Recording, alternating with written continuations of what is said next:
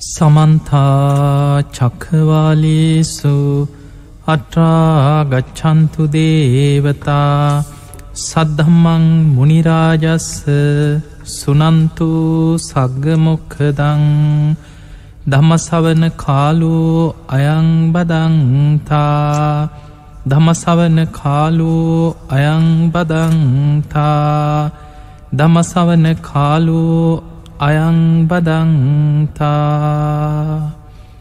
නමුතස්ස භගවතු වරහතු සම්මා සම්බුද්ධස්ස නමුතස්ස භගවතු වරහතු සම්මා සම්බුද්ධස්ස නමුතස්ස භගවතු වරහතු සම්මා සම්බුද්ධස්ස හැම දෙනාටම තෙරුවන්සන්න ප්‍රාර්ථනා කරමින් අදත් ඔබ හැම දෙනාම ඔබේ ජීවිතයට වැදගත් ධර්මකාරණා රැසක් ශ්‍රවණය කරන්න. බොහොම සද්ධාවෙන් ධර්මශ්‍රවනයට සූදානං වෙච්ච මොහොත. ධර්මශ්‍රවනය කරන ලක්වාස් හිලවාසි ඔබ හැම දෙනාටමත්. මේ ධර්මශ්‍රවනය නිවන්දොරටුවක් බවට පත්වේවා කෙලපි මුලින් ආශිර්වාද ප්‍රාර්ථනා කරනවා. පිංහතුනේ අදාපි මේ ධර්ම දේශනාවට මාට්ටුකා කරගන්නේ අපි කවුරුත් ඔබත් මමත් මේ කාමලෝකයේ තුළ ජීවත්වෙන සෑම සියලු දෙනාම. අපි නොදැනුවත්ත අපි දැන ධර්මය දැනගෙන හිටියත් නොදැනගෙන හිටියත් අපි සියලු දෙනා බැඳිලයින්න මේ ලෝකෙ තියෙන කාම ලෝකයේ මහා බලවත්ම ඒ බලවේගේ ගැන ඒ තමයි මාර බලවේගේ. මේ මාරයා කියලා කියන්නේ කාම ලෝකයේ අධිපති භාවේ දරණය අතරින් අග්‍රයි කියල බුදුරජාණන් වහන්සේ පෙන්න්නන. එහෙමනම් කාමලෝකයේ කියලා කියන්නේ අපි ඉස්සල්ලා තේරුම් ගමු කාමලෝකයේ කියලා කියන්නේ ඇහැට පේන ප්‍රියමනාප රූප තුළ සැපේ සතුට සොම්න්නස හොයනු. අන්න පංචකාමයන්ගේ ලක්සන ඊළඟට කනට ඇහෙන සබ්ද තුළ ඒක සැපේ සතුට සොම්න්නස හොයනවා ඉවට ඇලෙනවා. අකමැති අප්‍රිය දේවල් එක ගැටෙනවා. නාසයට දැනෙන ගඳ සුවද තුළ තමන් ආස කරන ප්‍රියමනාපදයට ඇලෙනවා අකමැති දේක ගැටෙනවා. දිවට දැනෙන රසයට ඇලුම් කරනවා. අකමැති දේත් එක ගැටිනවා. කයිට දැනෙන පහස මෙන්න මේ රූප සබ්ද ගන්ධ රස පහස කියෙන පංච කාමයන් තුළ සැපය සතුට සොම්නස හොයමින් ජීවත්වෙන සත්වයන් මේ ලෝකයේ තුළ ඉන්නවද ඒ තමයි කාමලෝකය ඉන්න සත්වයන්. මේ පංචකාම සැපයන් තුළ වැඩිම සැප සම්පත් විඳින්නේ දිවිය ලෝකවල දෙවුරු. චාතුම් මහාරාජික දෙව්ලෝ දෙවියන්ට වඩා තවතිසා දෙව්ලොව දෙවියන්ට පංචකාම සැප සම්පත් වැඩි. ඊටත් වඩා යාම දිවිය ලෝක දෙවවරුන්ට පංචකාම සැප සම්පත් වැඩි. ඊටත් වැඩිය තුසිත දිවිය ලෝක දෙවවරුන්ට පංචකාම සැප සම්පත් වැඩි. ඊළඟට නිර්මාණ රති පරමිත්ත වසවර්තය ඉහළම පංචකාම සැප සම්පත් තියෙන්නේ පරනිම්මිත වසවර්ති කියන මේ සදෙව්ලව ඉහළම දිවිය තල ඉන්න දෙවරු. ඒ අයට පංචකාම සැප සම්පත් අතර ඉහළම අග්‍රම සැප සම්පත් පිහිටනවා ඒ අය කාම ලෝකයට අයිති පිරිසා. ඊළඟට පංචකාම සැපයන් තුළ සැපයකුත් තියනවා. හැබැයි ඒ සැපේ තුළ විශාල දුකක් විඳිනවා සැපයට ආසා කරනවා. ඒ දුක තුළ ආයම සැපයක් එනකොට දුක අමතකන මේ සැපදුක් දෙක තම තමන්ගේ පිම්පව් අනු අඩු වැඩි වසයෙන් විඳිනවා මනුස්සලෝකේ කාම ලෝකයට අයිති. ඊළඟට පංචකාම සැපයන් හොයන්න ගිහිල්ල. ඒ තුළ අන්ත දුකට පත්වෙච්ච කාමලෝකෙම පිරිස්සින්න. ඒව තමයි සතර අපායවල් කියලා අපි හඳුන්නන්න. ඒවත් කාමලෝක. නිරය තිරිසං අපාය ප්‍රේතාපාය අසුරාපාය මේ අපායවල් අත්තර පංචකාම දැන් ඔබට හිතෙන්න්න පුළුවන් නිරේ කොහෙද පංචකාම සැපයක් කියලා. ඒ පංචකාම සැපය හොයන්න ගිහිල්ලා පංචකාමයන් තුළම අන්ත දුකක් විඳින තැන තමයි නිරේ. එදකොට මේ මේ ඔක්කොම සතරාපාය මනුස්සලෝකයේ දිවියලෝක හය. මේ කියන තල කේපේම අයිති වෙන්නේ කාමලෝකයට.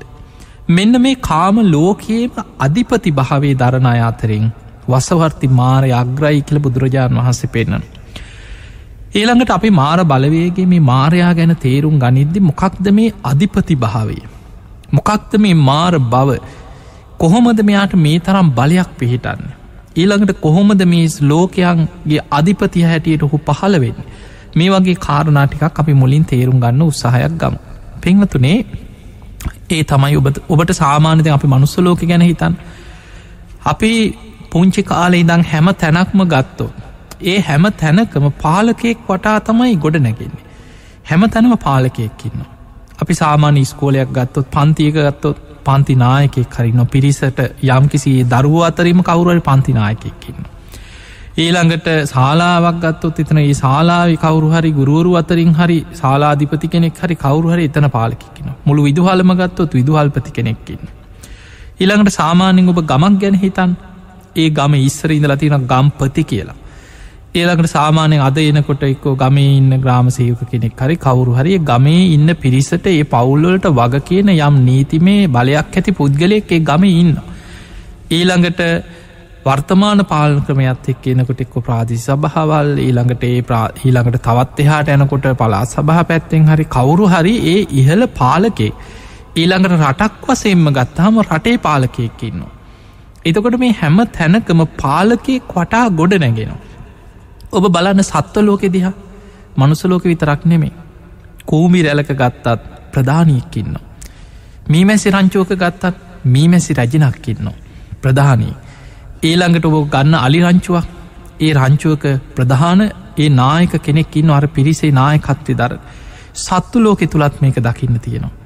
ඒ වගේම තමයි අමනුස්ස ලෝකවලත් එහෙමයි.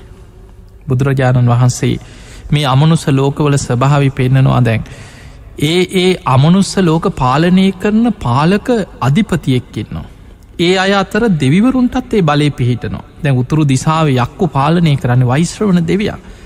ඒ අක්ෂයන්ගෙත් එක එක කණ්ඩායන් වලට එක එක අධිපතිවරු බල සම්පන්නයි පත්වෙනවා. ඒ ඒ අයගේ බලය මත ඒ අය ඒ අය පාලනය කරනවා. එදකොට මේ වගේ හැම තැනම යක්ෂ නාග කුම්බාණ්ඩ ගහන්දරුව කියන මේ අමනුස සේනා පාලනය කරන අධිපතිවරු හැටියට තමයි විරූඩ විරූපාක්ෂ වෛශ්‍රවන් ටෘදරාෂ්ට කියන සතරවරන් දෙවියන් ගැන ධර්මය සඳහන්වෙන්. ඒ අය මේ අමනුස සේනාවන්ගේ අධිපති. ඊළඟට ඔබ ආටානාටී සූත්‍රය අහල ඇති ඒ ඒ සේනාවලද යක්කු අතරගත්තාම ධර්මය මෙහෙම සඳහන්ගෙන යක්කෝවා යක්කිනීවා යක්ක පෝතකෝවා යක්ක පෝතිකායවා යක්ක පාරිසජ්ජෝවා යක්ක මහාමත්තුවා යක්ක පවාරෝවා එතකොට යක්වත එතන තේරුම තමයි යකෙක් යක්ෂණයක් යක්ෂ පැටවෙක් යක්ෂ පැටියෙක් ඊළඟට යක්ෂ මෙහෙකාරයෙක් යක්ෂ අමාත්‍යවරේ. එතකොට බලන්න ඒ ඒ අක්කු අතරත් ඒ අය පාලනය කරන යම් කෙනෙක් ඉන්නවා පාලකෙක් හැටියට. ඊළඟට නාගෝවා නාගිනීවා නාග පෝතකෝවා නාග පෝතිකායවා නාග මහාමත්තෝ අතොට නාගය අතරත් මහාමත්තුව කියන එතකොට ඒ ඒ අය නාගයන්ගෙත් ප්‍රධානී. ඊළඟට ඔබ ධර්මය අහල ඇති නාග ලෝකවලට අධිපතිද නාග දෙවිවරු ගැන එතකොට නාග දේවතාවරු කියල සඳහන් වෙන නාග රජවරු කියල සඳහන් වෙනවා. දැන් ජයසේන නාරජු ඔබහල ඇති. බෝමින්දර කියන නාග බවනට අධිප්ග්‍රෝහිත ඒ නාගරාජය එතකොට මේ විශාල නාග පිරිස්සකගේ අධිපති භාවේ දරන්න නා රජෙක්කින්න එතකොට ඒ ඒ රජ්ජුරුව තමයි ඒ නාගයන්ගෙත් ඒ පාලකය. එතකොට මේ වගේ හැම තැනකම එතකොට ඔබට මතක්කේ අපායි අපායිත්තින්න යම රජ්ජුරු එදකොට මේ හැම තැනකම යම් පාලනයක් තුළ යන්න. දිවිය ලෝකවලට ඉහලට ඉහලට යනකොට දෙදෙව්ලෝට අධිපති සක්‍ර දෙවියෝ චාතුම් මහාරාජික තාවතින්ස කියන දිවිය ලෝක දෙකේම අධිපති දෙවියන් සක්‍ර දෙවිය. මේ මනුස්සලෝකෙ දැන් ගත්තහම අපි ගත්තහම ලෝකෙ රටෙන් රටට අද වෙන වෙනම ඒ ඒ පාලන ක්‍රම බෙදිලගිය ප්‍රදේශ වෙන්න පුළුවන් ඒ දැන් ඉන්දියාව ගත්තහම බුදුරජාණන් වහන්සේ කලෙ සොලොස් මහා ජනපද තිබුණේ වෙන වෙනම රාජ්‍ය හැටියට රජවරු බෙදාගෙන සොලොස් මහා ජනපද හැටියට පාලනය කරා. අද වෙනම ප්‍රාන්ත හැටියට බෙදිලතින ඒ ප්‍රාන්තවල මහයමතිවරු ඉන්න. ඒ සියලුම දේවල් එකතු වෙච්ච මුළු රටේම ඉන්දියාවගත්හම එක්ක බලය තියෙන එක් අගමැති කෙනෙක් ඒ ජනාධිපති කෙනෙක් එතොට ඒ වගේ ප්‍රධාන පාලනයක් තියෙනවා. හැම රටකම් පාලනයක් තියෙනවා. වෙන වෙනම රජවරු.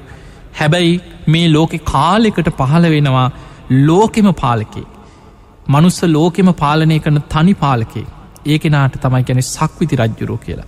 දෙතිස් මහා පුරුෂ ලක්ෂණ ඇති සක්විති රජ කෙනෙක් පහළ වෙන. කලාතුරකින් පහළ වෙන්න. ඒ සක්විති රජ්ජුරුවෝ ගැන සඳහන් වෙන්නේ පුුණ්‍ය ශක්තියක් තුළමයි ලෝකෙම පාලකය හැටියට සක්විති රජ්ජුරු පහළවෙන්. ඒ පිනත් එක්ක සක්විති රාජ සම්පත්තිය ලැබෙනකොට සක්විති රත්න පහළ වෙනවා. චක්‍ර රත්න හස්ති රත්න මනිරත්න එතකොට මේ වගේ අහසින් යන්න පුළුවන් කෙන සිවරග සේනා පිරිවරාගෙන. හිතන හිතන දිසාවට අහසින් යනවා ඒ චක්‍ර රත්නය නැගලා සක්විති රජ්ජුරු. හැම රටකම කිසිම අව්‍යාවිදයක් මොකුවත් නැතුවේ සියලු දෙනා සක්විති රජ්ජුරුවන්ට යටත්වෙන. එදකොට මේ වගේ සක්විති රජවරු ගැන මේ විස්තර ඔබ ගොඩක් දේශනාවලට අහල ඇති. එතකොට අපිට පේනවා මේ හැම තැනම පාලකෙක් ඉන්නවා කියනක දැන් ඔබට තේරෙන්න්නට ඕන. මේ දිවිය ලෝකවල ගත්තත් එකින් එකට බල සම්පන්න දේවතාවරු ඉන්න. මෙන්න මේ සියල්ලම ගත්තොත්. දිවිය ලෝක හයම මනුස්ස ලෝකේ සතර අපාය ඔය සියලු පාලකවරු සියලු දෙනා බැඳිච්ච අධිපති භාවේ දරණය අතර කාම ලෝකේම පාලකයා බලවත්ම කෙනා අධිපතිය හැටියට තමයි වසවර්ති මාරයා ධර්මය සඳහන් කළතිය. අන්න එහෙම නං ඔබට පේනවා අපි කොච්චරනං මේ දෙවිවරු පවා මාරයට බැඳිලයින්න. සක්‍ර දෙවියන් වෙන්න පුළුව මේ හැම දෙවිවරුම මාර බන්ධනයක් තුළයින්. මාරයගේ මිදිලයින්න රහතන් වහන්සේලා බුදු පසේ බුදු මහරහත් කෙන නික්ලේෂි උත්තමයන් වහන්සේලා විතරයි මාර බන්ධනය මිදිලයින්න. හැබැයි පිංහතුනි මාර බන්ධනය මිදුනා කියලා. පිරිනිවන් පානකං මාරය බාධ කරනවා. නොඒ කරදර කරනවා හිරි හැර කරන. බුදුරජාණන් වහන්සේට මාරය බාධා කරපු කරදර කරපු සිදුවීම් ගොඩ දේශනාවල තියෙනවා. හැබැයි එහෙම කරදර කරා කියලා ඒ ඒ රහතන් වහන්සේලාගේ බුදුවරුන්ගේ හෝ රහතන් වහන්සේලාගේ පසේ බුදු කෙනෙගේ චිත්ත විමුක්තියට බාධාවක් කරන්න බෑ හැබැයි ඒ පාපී මාරයගේ ස්වභාවේ තමයි බුදුවරුන්ට රහතන් වහන්සේලාට නිතර කරදර බහදා කරන. මාරයක් එතකොට ඔබට හිතේ දැන් මාරය මේ තරම් මේ මුළු කාම ලෝකේම අධිපති යන මාරයකෙන් පවකාරයෙක් වෙන්න බෑනි. ඒනම් පිනක් වෙන්න පෑ. මාරය පින්වන්ත කෙනෙද්ද කියලා. ඇත්තට මාර බව ලැබෙන්නේ විශාල පිනක ප්‍රතිඵලයක්.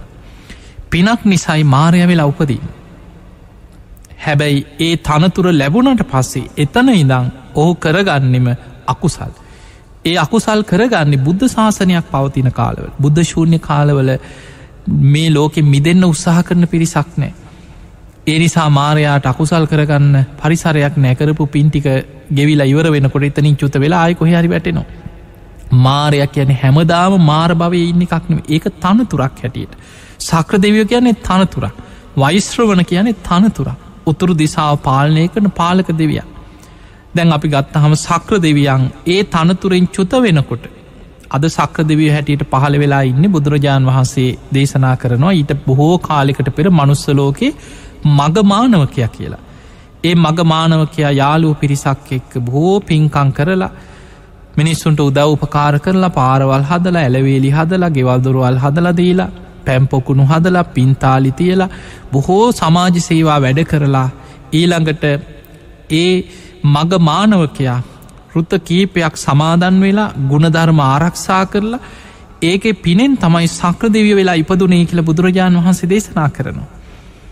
එදකොට ඒ සක්‍ර දෙවියන්ගේ ආවිස අවසන් වෙනකොට ඒ සක්‍ර දෙවියෝ ඉතනින් චුත වුණොත් තව කෙනෙක් ඒ සක්‍ර පදවි ආයමත් පහළ වෙන. නමුත් අපේ බුදුරජාණන් වහන්සේ වැඩ සිටිද්දිමයි. අද මේ වෙනකොට ලෝකයේ සක්‍ර දෙවියන් හැටියට වැඩයින්නේ සක් දෙවිඳුගේ ආවිස අවසන් වනේ. මේක සඳහන් වුණත් දීග නිකායි සක්ක පං්ඥ කෙන සූත්‍රයේ. සක්‍ර දෙවියන්ගේ ආවිශ අවසන් වෙනකොටම බුදුරජාණන් වහන්සේ දැක්ක සක්‍ර දෙවියන්ගේ ආවිශ අවසන් වේගෙනනවා.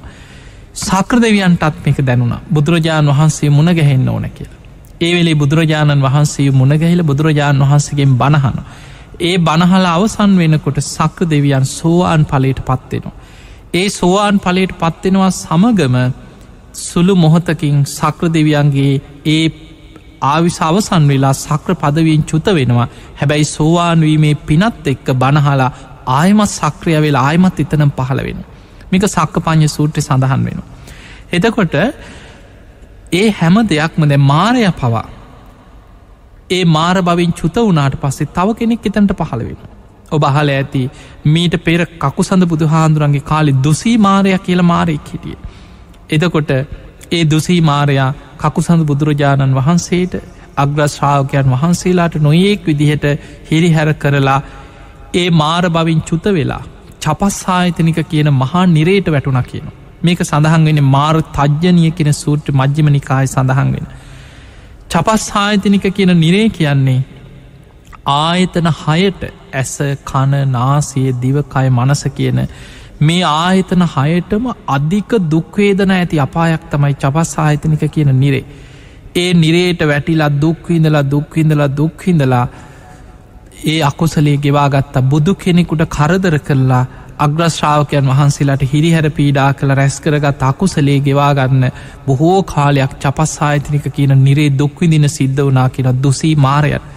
එමනං අපිට පේනවා මාර බව ලැබෙන්නේ බලවත් කෙනෙක් වෙලා උපදින්න පෙරපිනකට.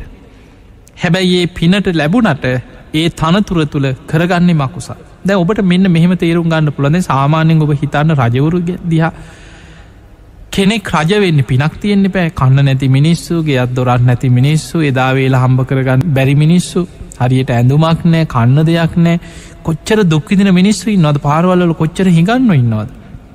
එතකොට මේ යම් රටක ඒ සියල් භූමිපති මේ භූමියම අධිපති භාවේ ඒ භූමියම පාලක හැටියට තමයි රටක රජෙක් හරි ඉහල තනතුරක් රටේ පාලකෙක් හැටියට පහළවෙන් තැ අපි සාමාන්‍ය වර්තමාන පැත්තකති ලප්නික බුදු හාන්දුරයෙන් කාල රජවරු ගැන හිතන් එතකොට රජකම ලැබෙන්නේ පෙර පිනකට. හැබැයි ඒ පිනට රජ වුණාට පස්සේ රජවරු කරන්නේ පින්කන්ද වැඩිපුර.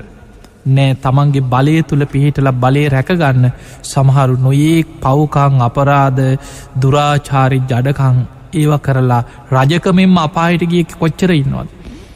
බුදුරජාණන් වහන්සේගේම මාමණ්ඩි ගැන හිතන සුප්‍රබුද්ධ රජ්ජුරු සුප්‍රබුද්ධ රජ්ජුරුවන් රජකම ලැබුණේ පෙර පිනක් නිසා. ඒ පිනෙන් රජ වුණ. තමන්ට රාජ්‍ය තුළ සියලු සැප සම්පත් විඳිවින් ඉන්නකොට පෙර සසරේ මහා පින් ඇති. බුදු කෙනෙක් බුදුවෙන ආත්මේ ගිහි කල බිරිඳ වෙන්න කල්ප ලක්ෂයක් පාරමී පුරාගෙනාපු පින්වන්ත කෙනෙක් තමන්ගේ දියනිය හැටියට යසෝදරාවගේ තාත්ත තමයි. සුප්‍රබුද්ධ රජ්ජුරෝ කියන්න. තමන්ගේ දුව හැටියට මහා පින්වන්ත කෙනෙක් රහත්වවෙන්න පින තියෙන. බුදුවෙන උත්තමයන් වහන්සේ නමක් සමග ඒ සසර පෙරුම්පුරපු පින් ඇති උත්තමාවියක්ව තමන්ගේ ලෙයින් දරුවෙක් හැටියට බිහි කර. දේවදත්තත් දරුවෙක් හැටියට ලැබුණා පුතෙක් හැටියට. එතකොට මේ වගේ දරුවෝ ලැබිලා රජ සැප විඳලා බුදුහා දැම් බෝසතාණන් වහන්සේ දැක්කෙ නැද දැක්කා. බුදුනාට පස්සේ බුදුරජාණන් වහන්සේ වැස්තිකර දැක්කෙ නැද දැක්කා. බුදුරජාණන් වහන්සේටත් හිරි හැර කරලා. බුදුරජාණන් වහන්සේ මහා සංඝයා පිරිවරාගෙන වඩිනකොට පාර අහුරලා නින්දා පහස කරලා අකුසල් කරගත්තා. ඒ අකුසල්වලින් මාලිගාව පියගැට පෙළ ළඟදි පොලෝ පලාගෙන ගිනි දැල් මතු වෙලා පණපිටි මපායට ඇදිලගිය අදත් අපායි පැහෙන ඇති. එතකොට රජකං කරලනෙමේ දපායිටගේ රජවෙන්න පිනක් තිබුණා හැබැයි රජ වුනාට පස්සෙ කරගත්තේ මකුසල් ඒකෙන් අපායට ගියා මාරයත් ඒ වගේ. මාරය වෙලා උපදින්න පෙර සසරය කරපු පිනක් මත තමයි අධිපති භාවය ඇති ඉහළ තනතුරක් ඉහර උපතක් ලැබෙන. දැම් බලන්න සමහරු ලෝකෙ පින්කං කරලා නිවන නෙමෙයි ප්‍රාර්ථනා කරන්න. නිවන් දකින්න හිතාගෙනම සසරෙන් මිදන්න හිතාගෙන පින්කං කරන්නේ සුළු පිරිසයි. සමහරු පින්කං කළ ප්‍රාර්ථනා කරන්නෙම බලේ. බලවත් තනතුරු ලැබේවා මට ලෝකෙ පාලනය කරන්න ලැබේවා මට රජකම ලැබේවා මට තව තවක් ඉහලටම යන්න ලැබේවා. එදකොට මේ පංච කාමයන් තුළ සැප සම්පත් තුළ බලේමයි ප්‍රාර්ථනා කරන්න. දැන් සාමාන්‍ය මේ කොච්චර බනැහුවත්. ඔබ සමහරලාවට ඔබහල ඇති අර පින්වාක්‍යයක් අපේ ඉතිහා සම්ප්‍රදාය තුළ කියවෙන එතකොට මේ පින්වාක්‍ය දැන් ඔය කටින කාලෙහෙමෙනකොට බොහෝ වෙලාවට කියවෙනවා ඒ කටිනා නිසංස කියන තැන්වල මේ කටින චීවරයක් මහනකොට ඊළඟට ඉදිකට තුඩක් තුඩක් පාසා මේ සක්විති රජකං ඊළඟට උපබෝග පරිබෝග සැප සම්පත් ඊළඟට විසාකා සුමනා සුජාතා බන්දුල මල්ලිකා මේ වගේ සැප සම්පත් ලබල සිටුවරු වෙලා මෙහෙම සැප සම්පත් ලබාගෙන මේ සසර ඉපදිලා. එතකොට ඒ ඇහෙනකොට අනේ ඔන්නෑ කියල කාටවත් හිතෙන්නේ ගොඩක් දෙනකොට. අනේ සාදු සාදු කියලා ඔළුව අත්තියාගෙන ප්‍රාර්ථනා කරන්න එතන නිවන නෙවෙයි අනේ අපිට මේ කටිනයක් පූජා කළ ඉක්මනින්ම සසරෙන් මිදිල මේ ඔක්කොම අතහැල්ල නිවන් දකින්න ලැබේවා කියලා හිතනවනං ඉතාම සුළු පිරිසයි. ඊට වඩා සසර වර්ණා කරලා ඒ කටින වරණාව සසර ප්‍රාර්ථන ඕක කිව්වෙ නැත්නම් සමල්ලට කේන්තිත් යනවා. අපිට දැම්ම නිවන් දකින්න ඔන්න ඊට කලින් කරන්න දේවල් තියෙනවා කියලා. එදකොට ඒ වගේ මිනිස්සු වැඩිපුරම ප්‍රාර්ථනා කරන්නේ සැප සම්පත් බලය. ඒ වගේ බලය ප්‍රාර්ථනා කරගෙන පින්කං කරලා ඒක විපාකයක් හැටියට ඒකේ ප්‍රතිඵලයක් හැටියට තමයි ඒ වගේ ඉහළ තනතුරු ඇති මහා බල සම්පන්න අය වෙලා උපදිනවා. කාම ලෝකෙ මධිපතිය වෙලා පහළවෙන්. හැබැයි ඒ බලය ලැබුණට පස්සේ. ඔහුගේ බලයත් එක්ක ඔහුට නොයෙක් අකුසල් සිද්ධ කරන්න වෙන තමන්ගේ බලය තුළ පිහිටලා. ඒ නිසා බුදු කෙනෙක් පහළ වෙනකොට විශාල් පිරිසක් සසරින් මිදෙනවා. මාරය අකමැති තමන්ගේ පාලනය ඉන්න කාමලෝක ඉන්න පිරිස තමන්ගේ මිදිලා ගැලවිලා යනවා දකිින් අකමැති තමන්ගේ බල පරාක්‍රමයක්ත්ත. අන්නේ නිසා මාරයට අදහසක් තියෙනවා. මගේ වසගේ ඉන්න කිසිම කෙනෙකුට මගෙන්නම් මිදීමක් නෑ මම නම් මිදන්න දෙන්නෑ කියන අදහස තුළ පිහිටල තමයි මාරයා බුදුරජාණන් වහන්සේට රහතන් වහන්සේලාට භික්‍ෂු භික්‍ෂුණී උපාසක උපාසිකාවන්ට නිවන් මග ගමන් කරන්න උත්සාහ කරන ශ්‍රාවකයන්ට කරදර බාධා කරන්නේ ඒ තුළ පිහිටල.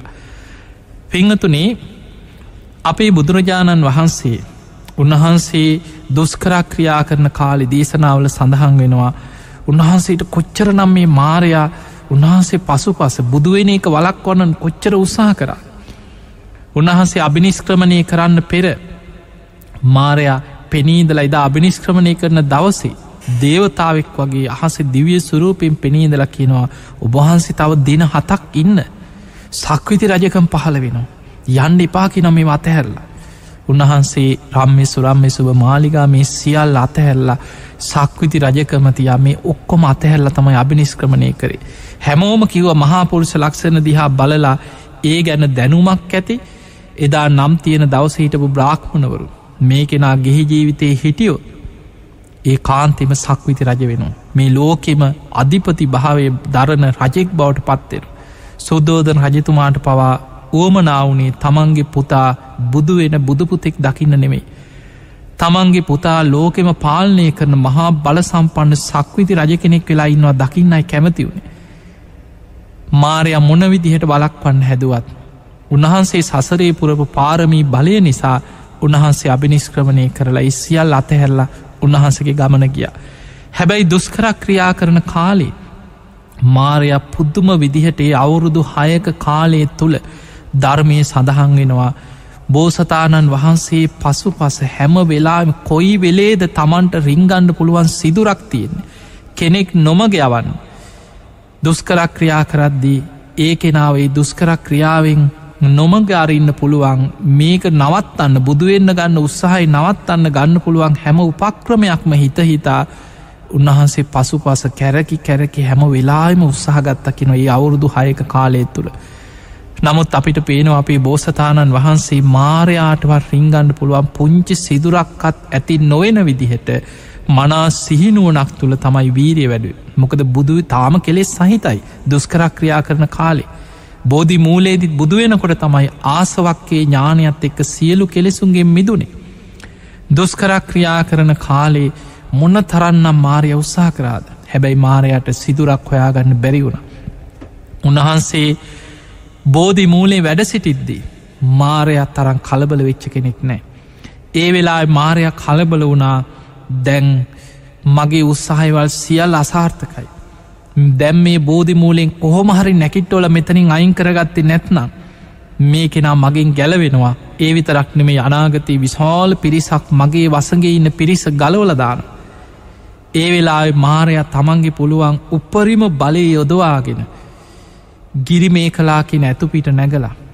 දස බිම්බරක් මාර සේනා පිරිවරාගෙන මාරයට මහා සේනා මවාගන්න මහා සේනා පිරිවරාගන්න පුළුව. විශාල සේනා පිරිවරාගෙන මාරයා විශාල බිය තැතිගැනින් ඇතිකරවමින් තමයි උන්වහන්සේ බෝධිමූලේ චතුරංග සමන්නාගත වීරියෙන් වැඩ සිටිද්දී එතනට එන්නේ. එ බුදුවෙන්න පෙර උන්වහන්සේ බුද්ධත්වයට පත්වෙන්න පෙර ආසනයේ වැඩඉන්න වෙලාවෙ තමයි මාරය කරදර කරන්න. මොකද උන්වහන්සේ කුසතන එලලා ඒ ආසනී මත වැඩ හිටියේ චතුරංග සමන්නාගත වීරියෙන් මගේ ශරීරයේ සම්මස් වියලේවා ඇටනහර පමණක් ඉතිරිවෙතොත් ඉතිරි වේවා පුරුෂ වීරියෙන් පුරුෂ පරාක්‍රමින් යම් ධර්මයක් අවබෝධ කරගත යුතුද.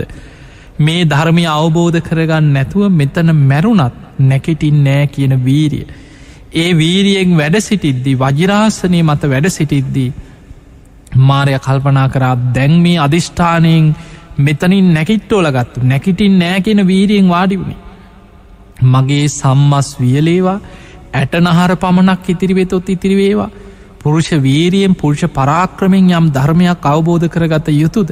ඒ ධර්මය අවබෝධ කරගන්න නැතුව මැරුණත් නැකිටින් නෑ කියලා. එහෙම අධිෂ්ඨානයකින් වාඩි වෙනකොට ඒ ආසනය මත වැඩඉන්නකොට මාරයට අවශ්‍ය වනේ මේ ආසනය නැකිට්ටවන් ඒ අධිෂ්ඨානය බිඳෙනවා. ඒ වෙනුවෙන් විශාල සේනා පිරිවරාගෙන මාරයා බෝධි මූලේ ළඟට එන්නේ. වෙන කෙනෙක් නං කෙලෙස් සහිතවයි තාම ඉන්න වෙන කෙනෙක් නම් පැල්ල දුවනවයේ සිදුවීම් දිහා බලනකොට දේශනාවල සඳහන් වෙන. ළඟ ළඟ හෙන පුපුරනවා වගේ භයානක හඬ මාරයා මාර් බලවේගේ තුළින් මාරය ඇති කරනවා. ගස් කඩාගෙන ඇඟපට වැටෙනවා. ගල් පෙරලීගෙන කඳු පෙරලීගෙන එනවා වගේ භයානක හඬ ඇතිවෙන. දැම් බලන්න වෙන කෙනෙන එක පාට බයිවෙලා ගැස්සිලා එක්ක දුවනවා හැඟෙන්න්න තැන් හොයනවා උන්වහන්සිටමෙයි පුද්දුම අධිෂ්ඨානයකින් උන්වහන්සේගේ අධිෂ්ඨානය සිහි කරගෙන ඒ වීරියෙන් ආසනය තුළ වැඩඉන්න. අවසානයේ වසවර්ති මාරය මාර සේනාවත් එක්ක ඊතල් වරුසාාවක්. ඊළඟට නොයෙක් විදියට ගල් වරුසාාවක් මේ විදිහට උන්වහන්සේට මහා භයානක දේවල් උන්වහන්සේ දිසාවට ඇති කරගෙන දැ වෙන කෙනෙක් නම් ඈතින් ඊතලයක් එනවා කියලා දකින්නකොට හැඟෙන්න්න බේරෙන්න්න ජීවිතය බේරගන්න කුච්චර හිතනවාද. නමුත් උන්වහන්සේ අධිෂ්ඨානී තුළම පාරමී ධර්ම බලයෙන් වැඩඉන්න. අවසානි මාරය සේනා පිරිවරාගෙන ගිරිමේ කලාකින ඇතුපිට නැගල ළඟටමේනවා. ඇවිල්ලා මාරය මහා බල සම්පන්න විදිහට අන කරනවා වහාම ඔතනින් නැකිටින්න කියව. මමයි කාමලෝක අධිපතියා මගේ අවසරයක් නැතු ඔබට මෙතනින් අයිතියක් නෑකි. එනිසා වහාම නැකටින්න කියව. ඔබට මේ ආසනය ඉන්න අයිතියක් තියෙනවනම් මට ඔප්පු කරන්න කියව. තැන් ඔබට හිතෙන්ට පුල මොකක්ද මේ මාරය කියන කතාව? අප අපිට එහෙ නවාඩි වෙලා ඉන්න බැයිද තැනක? මේ මාරයට පුළුවන්ද එහෙම නැකිට්ටවන් ඔබට හිතෙන්ට පුළුව පංගතුනේ අධිපති භාවය කියන එක කෙනෙකුගේ බලයත් එක්ක තව කෙනෙක් ඒ අන්නට යටත් වෙනවා. දැන් ඔබ හිතන්න මෙහෙම.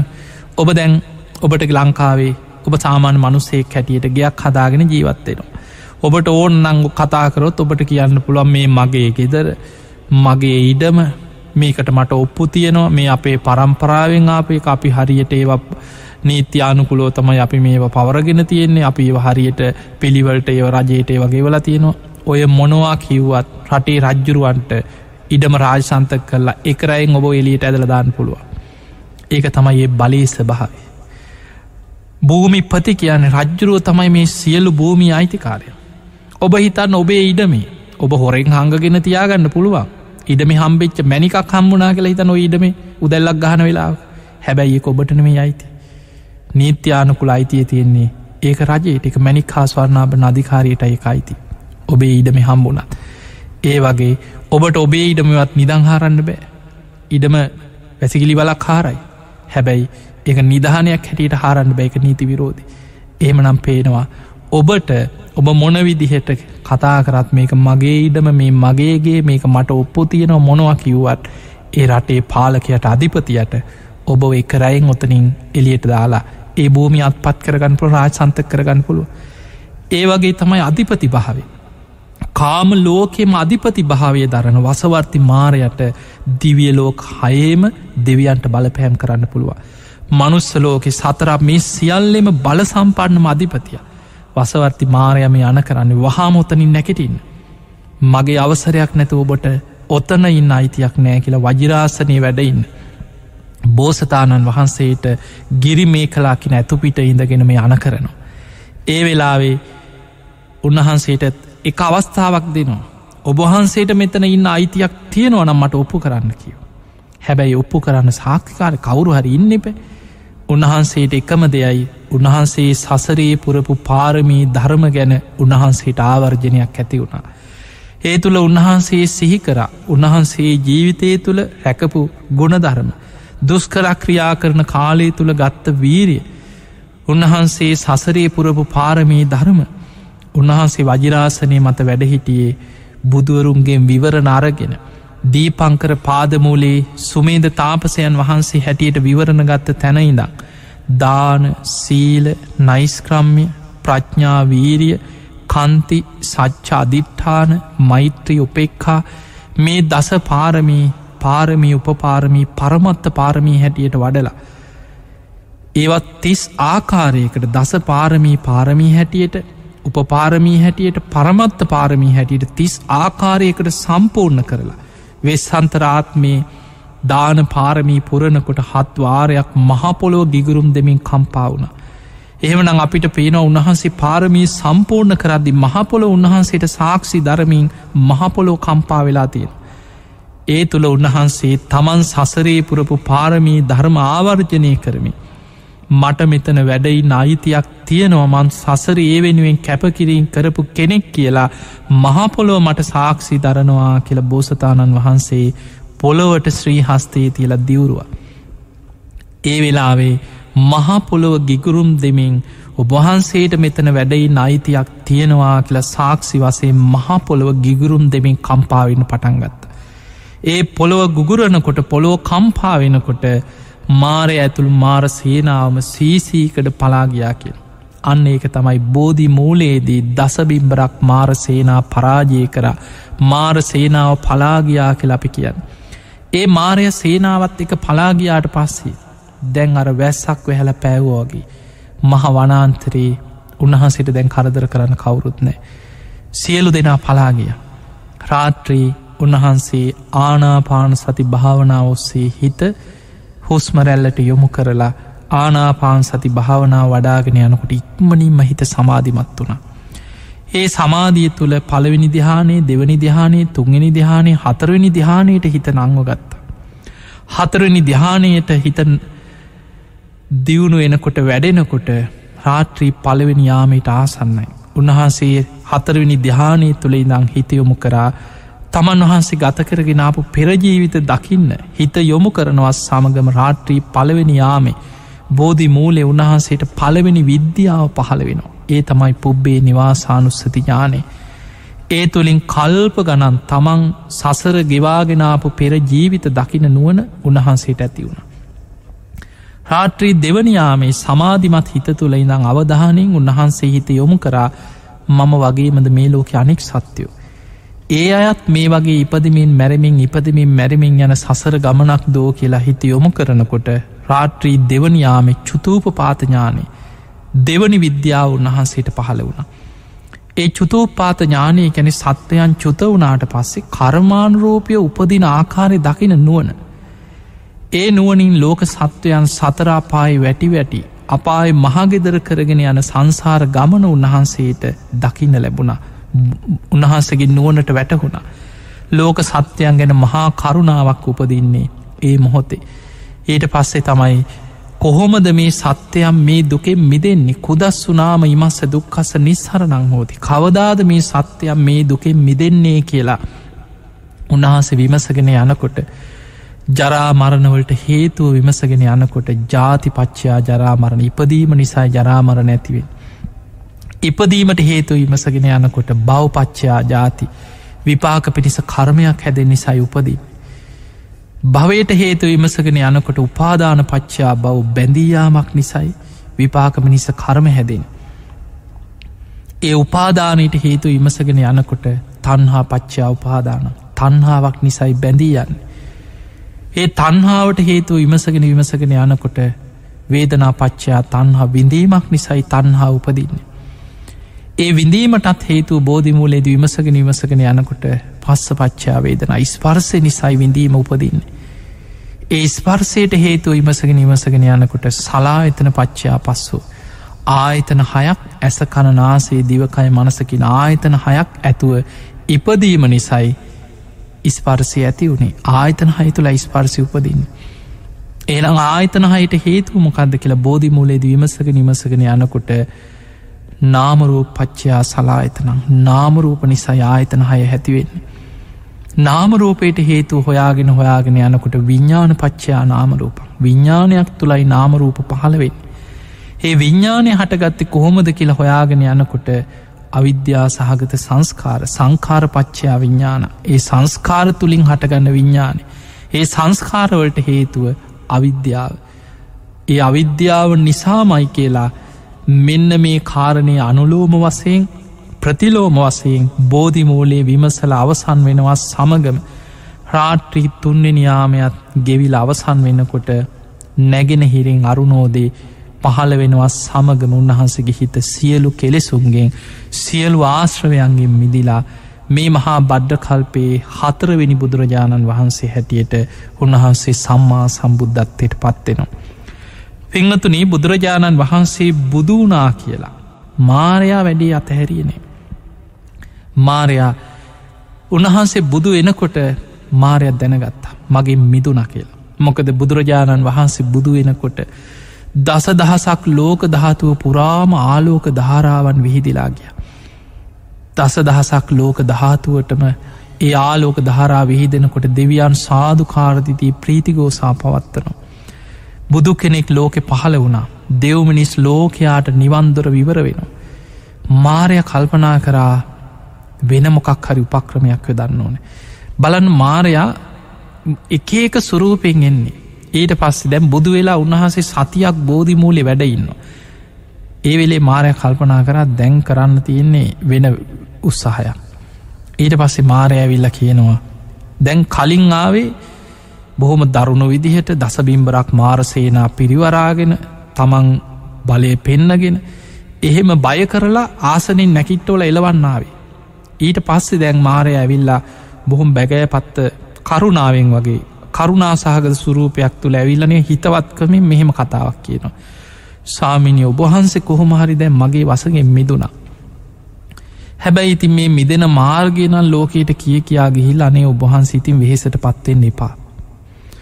ඔබහන්සේ ඉක්මනින්ම පිරිනිවන් පානසේක්වා කියව.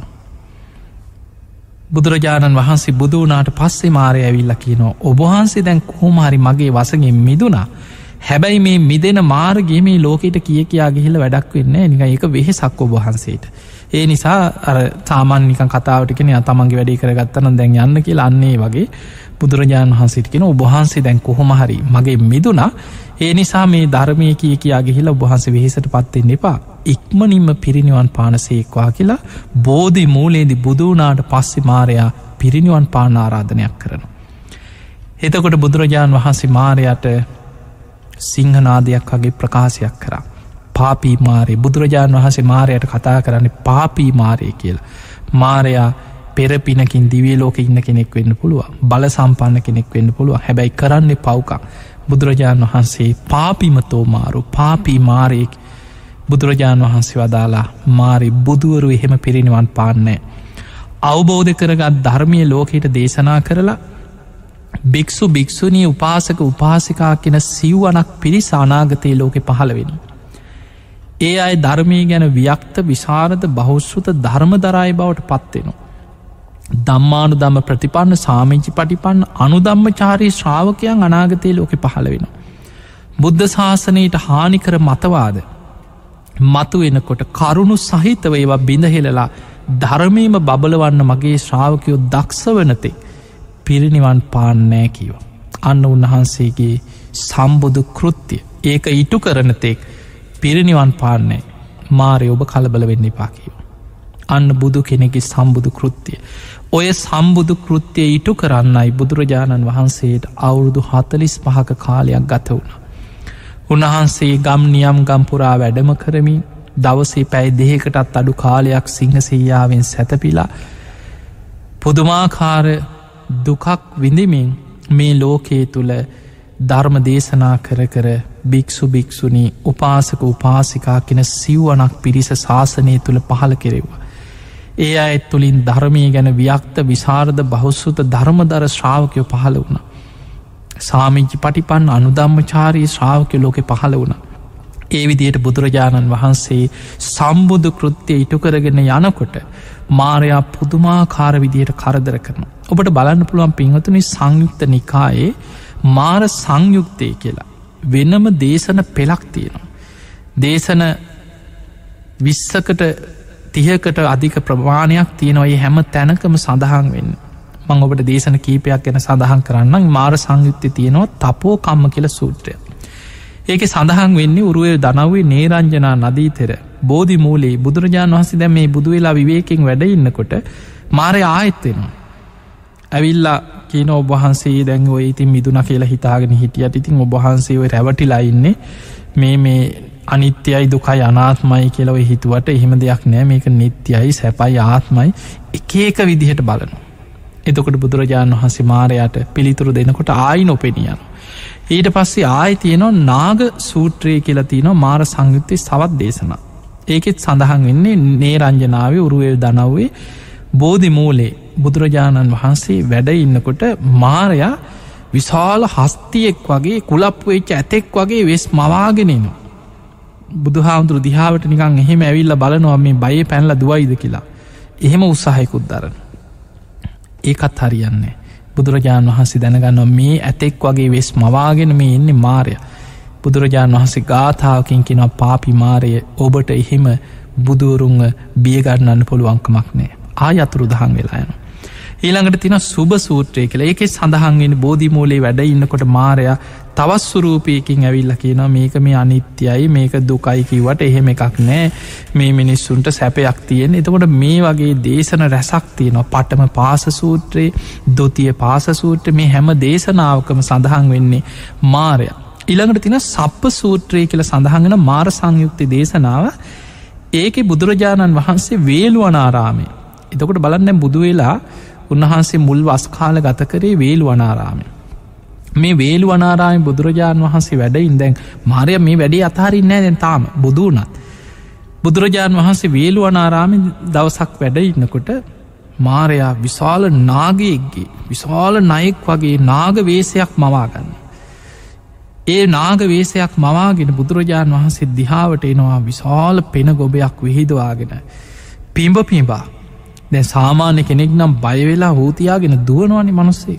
බුදුරජාණන් වහන්සේ දිහාවට ඇවිල්ලා ඒ විදිහට නිකම් බයගන්නන්න පුළුවන්ද කියලා උත්සාහයක් ගන්න එතකොට බලන්න මේ වගේ දේශනා විශාල් ප්‍රමාණයක් සඳහන් වෙනවා ධර්මයේ මාරයා එක එක සුරූපේ පෙනී හිටපු අවස්ථා. හැබැයි බුදුරජාණන් වහන්සේ මාරයා කීප වතාවක්ම මේ බුදු වෙලා වැඩහිටිය අවුරුදු හතලිස් පහක කාලය තුළ මාරයා තැනින් තැනදී ඔබහන්සේ දැන් වැඩ හිටිය ඇති. ඉක්මනින් පිරිනිවන් පානසේක් අවහන්සේ වැඩ හිටිය ඇති. පිරනිවන් පානසේක්වා ඒ හැම වෙලාම බුදුරජාණන් වහන්සේ මාරයට කිය නොම්මාරය ඔබ කලබල වෙන්න එපා. මගේ ශාසනය තුළ භික්ෂු භික්ෂුණි උපාසක උපාසිකාව පහළ වෙලා ඒ අයි ධර්මය ගැන ව්‍යක්ත විසාර්ධ බහුස්ෘත ධර්මදරයි බවට පත්වෙලා දම්මානු දම්ම ප්‍රතිපන්න සාමීංචි පටිපන්න මේ ශ්‍රාවකයෝ පහළ වෙනකම් පිරිනිවන් පාන්නේ හැබැයි බුදුරජාණන් වහන්සේට ඉලක්කි සම්පූර්ණ කරගන්න අවුරුදු හතරිස් පහක් ගත වුණ. එදා බුදුරජාණන් වහන්සේ චාපාල චෛත්‍යස්ථානය අසලදී ආයු සංස්කාර අතහරඉන්න පෙර මාරයා අර මුල කාරණය මතක් කර ඔබහන්සේට මතකද? ඔබහන්සේ බුදුවෙච්ච දවසෙත් මං පිරිනිවන් පා නාරාධනයක් කර. එදකොට ඔබහන්සේ මෙහෙම ප්‍රකාශයක් කර. සාමිනි දැං ඔබහන්සේගේ ඉලක්කෙ සම්පූර්ණයි. මේ වෙනකොට භික්ෂු භික්ෂුණි උපාසක උපාසිකාවල් ලෝකෙ පහළ වෙලා ධර්මය ගැන ව්‍යක්ත විසාර්ධ බෞෂෘත ධර්මදර ශ්‍රාවකයෝ දැන් ඉන්නවා. උබහන්සේ කියපු ඉලක්කෙ දැන් හරි. ඒ නිසා උබහන්සේ ඉක්මනින් පිරිනිවන් පාන සේක්වා කියලා ආයත් මතක් කර. එතනදි මේ මාරයට ඕන නිසා පිරිනිවන් පෑවන් නෙමේ බුදුරජාණන් වහන්සේ බුදු ඇසින් බැලුවා බුදු කෙනෙක් කළ යුතු සම්බුදු කෘත්තිය සිදු කරල අවසානයිද්ද ඒ වෙනකොට බුදු කෙනෙක් කළ යුතු සම්බුදු කෘත්තිය ලෝකෙට සිදු කළ අවසානයි. අන්නේ වෙලේ බුදුරජාණන් වහන්සේ තව මාස තුනකින් පිරිනිවන් පානවා කියලා ආයු සංස්කාර අතහැරිය. ඒ වෙලා මාරයට බුදුහාන්ත්‍ර ප්‍රකාශයක් නම් පාපී මාරයෙන් නුබ කලබල වෙන්න එපා. තව හරියට මාස තුනක් අවසන් වෙන වෙසක් පුන් පොහෝ දවසේ තතාගතයන් වහන්සේ පිරිනිවන් පානවා කියලා තම ආයු සංස්කාර අතහැරි. ඒ ආවි සංස්කාර අතහරින්නේ සම්බුදු කෘත්තිය ඉටු වෙලා තිබ්බ නිසයි. එහම නැතුව මාරය ආරාධනා කරපු නිසා නෙමේ. මාරය ඊට කලිනුත් බුදුවෙච්ච අවස්ථාවත් කීප වතාවක් නොයෙක් විදිහට බුදුරජාණන් වහන්සේට පිරිනිවන් පාන ආරාධනා කරන. පින්වතු නොය විතරක්නේ මාරය කොච්චර පව් කරගත් අද කියන්නේ. දවසක් බුදුරජාණන් වහන්සේ පිණ්ඩ පාති වඩිනකොට මාරයා ඒ පලාතෙම ඉන්න මිනිස්සුන්ට ආවේස වෙනතකොට ඔබ හිතන්න මොනතරම් බල සම්පානද කියලා එකනු සාමාන්‍යෙන් ඉන්න නිකම් පෙරේතයෝ යක්කුනික එක්කෙනෙකුට දෙන්නෙකුට නැගට රිංගගන්න මාරයා මුළු ගමකම මිනිස්සුන්ට මාරාවේශයක් කෙනු. ඒ මාරාවේශයත් එක්ක බුදුරජාණන් වහන්සේට දානි හැන්දක් බෙදන්න එක මනුස්සේකුටවත් හිතක් පහළ වෙන්නේ. බුදුරජාණන් වහන්සේ පිණ්ඩ පාති වැඩම කරා කවුරුවත් දානි හැන්දක් බෙදුවෙන. බුදුරජාණන් වහන්සේ හිස් පාත්තරය අරගෙන ආපහු වඩිනකොට මගදී මාරයා අපෙනී හිටිය.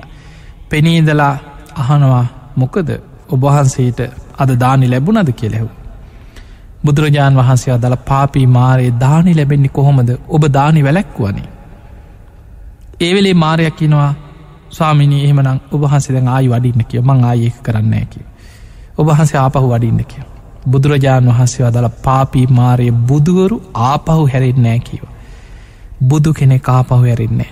අද දවසේ තතාගතයන් වහන්සේ දෙවියන් ආබස්සර ලෝකෙ දෙවරු ප්‍රීති බක්හා භවිස්සාමි දේවානං ආබස්සර ආබස්සර කියන ලෝකෙ දෙවියම් ප්‍රීති ආහාර කරගෙන වාසය කරන්න වගේ අද නිරාහාරව සමාපත්ති සුවීම් ප්‍රීති ආහාර කරකින් තතාගතයන් වහන්සේ වැඩඉන්නවා කියලා එදා දවසම දානෙ නැතු උන්වහන්සේ සමාපත්ති සුවෙන් වැඩ හිටිය.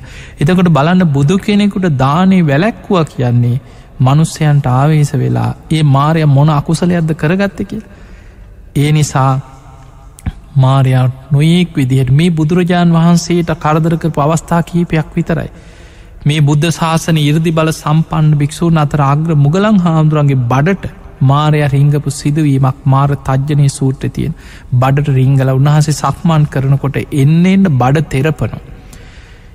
බඩේ ගෝනියක් ධාන්‍ය මල්ලක් නිකම් බඩේ බැඳගෙන ඉන්න වගේ එන්න එන්න විශාල බරක් උන්වහසට දැනෙන ඇවිදගන්න බැරි තරම් බඩ රිදෙන්න්න ගන්න උන්වහන්සේ හෙම වාඩි වෙන වාඩි වෙලා අධිෂ්ඨාන කළ බලනකොට දකිනවා මේ kuස ඇතුළට මාරය රිංගල මේ කුසේ තෙරපීමක් ඇති කරන්න. එතකොට ඒ වෙලා මාරයට තජ්ජනය කෙන තර්ජනාන්විතව කියන ඒ පාපී මාරය වහාම එලියට එන්න කියන. එතකොට ඔය වගේ මේක දිග දේශනාව මාර තජ්ජනය සූට්‍රේ අපි මීට පෙර මේ ධර්මදේශන අතරදිම මාරය ගැනේ දේශනාව කරලා තියෙන. එතකොට ඔබට තේරෙන ඇතිම මාරයක් කියන්නේ කාම ලෝක අධිපති භාවි ධරණය අතරින් අග්‍රයි.